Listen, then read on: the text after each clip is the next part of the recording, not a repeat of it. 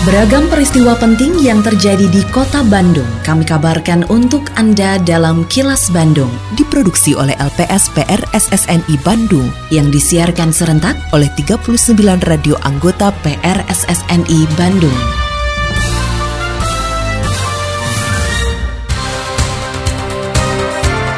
Sejumlah informasi aktual kami hadirkan untuk Anda dan inilah informasi utamanya. Dispora dorong anak muda kota Bandung menjadi wirausahawan. DPRD dorong pemerintah kota prioritaskan penyelesaian masalah. Bulan Maret diperkirakan masih hujan dalam kategori normal. Saya, Santika Sari Sumantri, inilah kilas Bandung selengkapnya. Camp Entrepreneur yang digagas Dinas Pemuda dan Olahraga atau Dispora Kota Bandung menggalang para pemuda untuk didorong menjadi wirausahawan baru. Wali Kota Bandung Yana Mulyana mengatakan dengan kegiatan tersebut diharapkan banyak generasi muda di Kota Bandung yang menjadi wirausahawan atau entrepreneur baru dan menciptakan lapangan kerja dengan program One Product One Community. Menurut Yana, dengan adanya program tersebut dipastikan mendorong tingkat pertumbuhan ekonomi sekaligus berkontribusi terhadap turunnya jumlah angka pengangguran di Kota Bandung. Bagaimana ada one product one community. Jadi memang keterlibatan komunitas para pemuda intinya melahirkan entrepreneur-entrepreneur baru, wirausaha-wirausaha baru untuk menjawab saat ini pada saat kita sekarang menuju proses pertumbuhan ekonomi pasca pandemi Covid-19. Mudah-mudahan dari kegiatan ini lahir para pengusaha baru yang eh, bisa tumbuh bersama kami semua pemerintah Kota Bandung juga dalam ikhtiarnya kita tadi proses percepatan pertumbuhan ekonomi pasca pandemi Covid-19 itu juga tergantung minat dan bakat ya. Tidak semua orang Betul. itu punya minat bakat jadi pengusaha. Tidak semua orang itu punya minat bakat menjadi karyawan. Nah ini orang yang memang punya minat dan bakat pengusaha diwadahi untuk jadi pengusaha yang baik dan benar.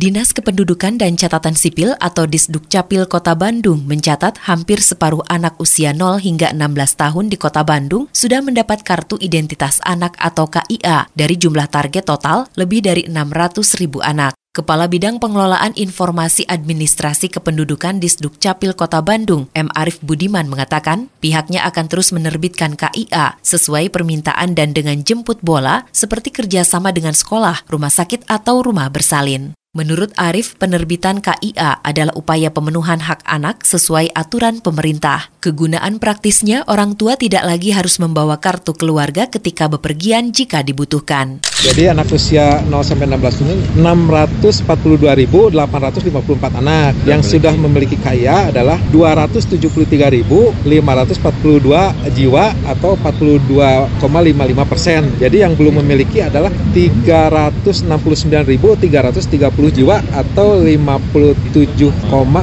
persen yang belum target kita itu kan ini tidak akan mungkin 100 persen hmm. karena kan yang 7, 17 eh, nanti jadi Naik KTP lagi. ini pas itulah eh, nggak mungkin 100 persen lah terus-terusan. Suara DPRD Kota Bandung. Persoalan banjir, kemacetan lalu lintas, dan sampah sampai saat ini terjadi di semua kota besar termasuk kota Bandung. Oleh karenanya anggota Komisi C DPRD Kota Bandung Uung Tanuwijaya menilai pemerintah daerah harus memprioritaskan persoalan yang utama di Kota Bandung yang harus segera diselesaikan. Pasalnya ketiga masalah tersebut memiliki bobot yang sama berat karena berkaitan dengan kepentingan masyarakat. Politisi Nasdem ini mengaku sering mendapat keluhan masyarakat terkait kemacetan lalu lintas dan banjir yang dinilai sangat mengganggu. Sedangkan mengenai masalah sampah, Uung mengatakan sudah banyak alternatif untuk pengelolaannya, seperti menjadi sumber energi alternatif termasuk melalui bank sampah. Uung mengatakan untuk mengatasi persoalan kemacetan perlu mencari alternatif solusi, misalnya dengan pengaturan waktu di persimpangan atau membuat jembatan layang hal tersebut memang sama-sama punya bobot yang sama berat sama pentingnya. Karena ini bicara soal buat masyarakat ya. Seringkali dapat keluhan masyarakat di mana mereka pulang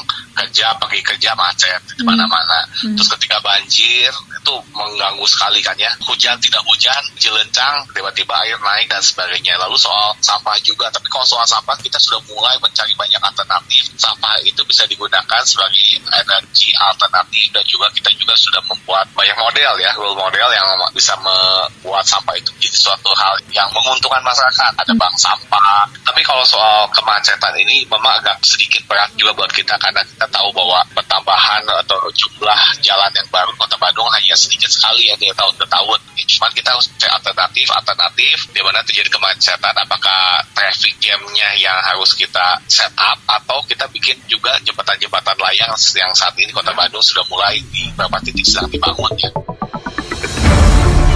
Kini, audio podcast siaran Kilas Bandung dan berbagai informasi menarik lainnya bisa Anda akses di laman kilasbandungnews.com. Suhu udara di kota Bandung yang terasa lebih dingin dibanding biasanya dan hujan yang masih sering turun merupakan dampak dari fenomena La Nina panjang yang terjadi selama tiga tahun berturut-turut. Prakirawan cuaca BMKG Yan Firdaus Permadi mengatakan, La Nina panjang menyebabkan suhu permukaan laut di sekitar Jawa Barat menjadi rendah. Adapun cuaca kota Bandung pada Maret mendatang diperkirakan masih terjadi hujan, namun kategorinya diprediksi masuk dalam kategori iklim normal. Menurutnya, cuaca atau iklim di kota Bandung tidak bisa disamakan dengan daerah lain seperti pesisir utara dan selatan karena sangat terpengaruh oleh kontur dan tingkat suhu udara di daerah yang bersangkutan. Untuk bulan Februari belum habis, jadi kita masih tunggu nilainya seperti apa. Namun ada peluang juga nanti di bulan Maret dan April ini akan menjadi nomor normal kembali gitu.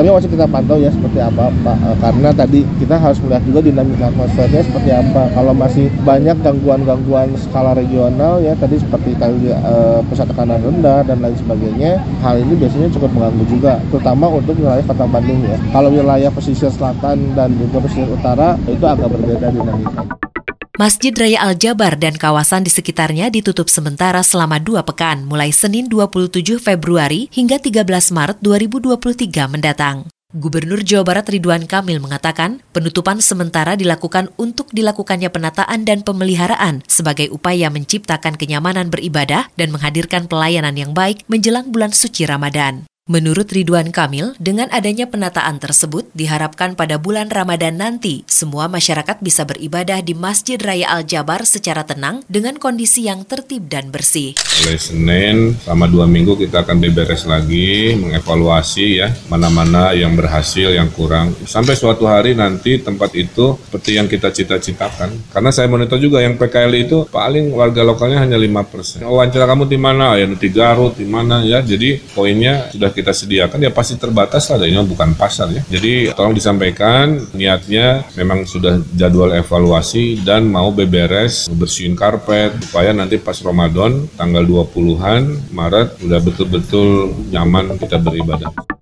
Sejumlah nama politisi juga figur publik muncul serta mendapatkan persentase tinggi dalam survei mengenai calon wali kota dan calon wakil wali kota Bandung yang dilakukan oleh lembaga survei Polsite pada 7 sampai 14 Februari 2023. Direktur Eksekutif Polsite Yusa Junandi mengatakan dalam survei tersebut pihaknya menggunakan 400 responden yang tersebar di 30 kecamatan dan 40 kelurahan di kota Bandung. Proses pemilihan responden dilakukan secara acak proporsional dengan tingkat kesalahan sekitar 4,89 persen dan tingkat kepercayaan 95 persen. Menurut Yusa, tujuan utama dilakukannya survei adalah untuk mengukur peta kekuatan elektoral calon wali kota Bandung menjelang pilkada serentak pada tahun 2024.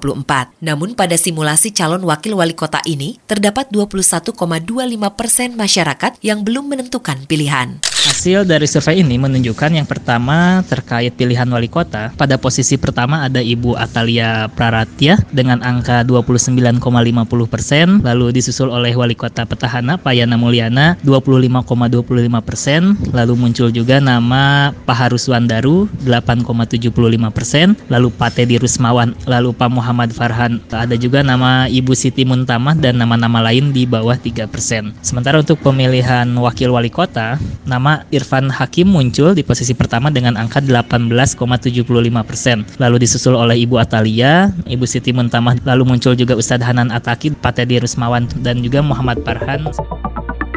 Tetap patuhi protokol kesehatan di masa adaptasi kebiasaan baru untuk memutus penyebaran COVID-19.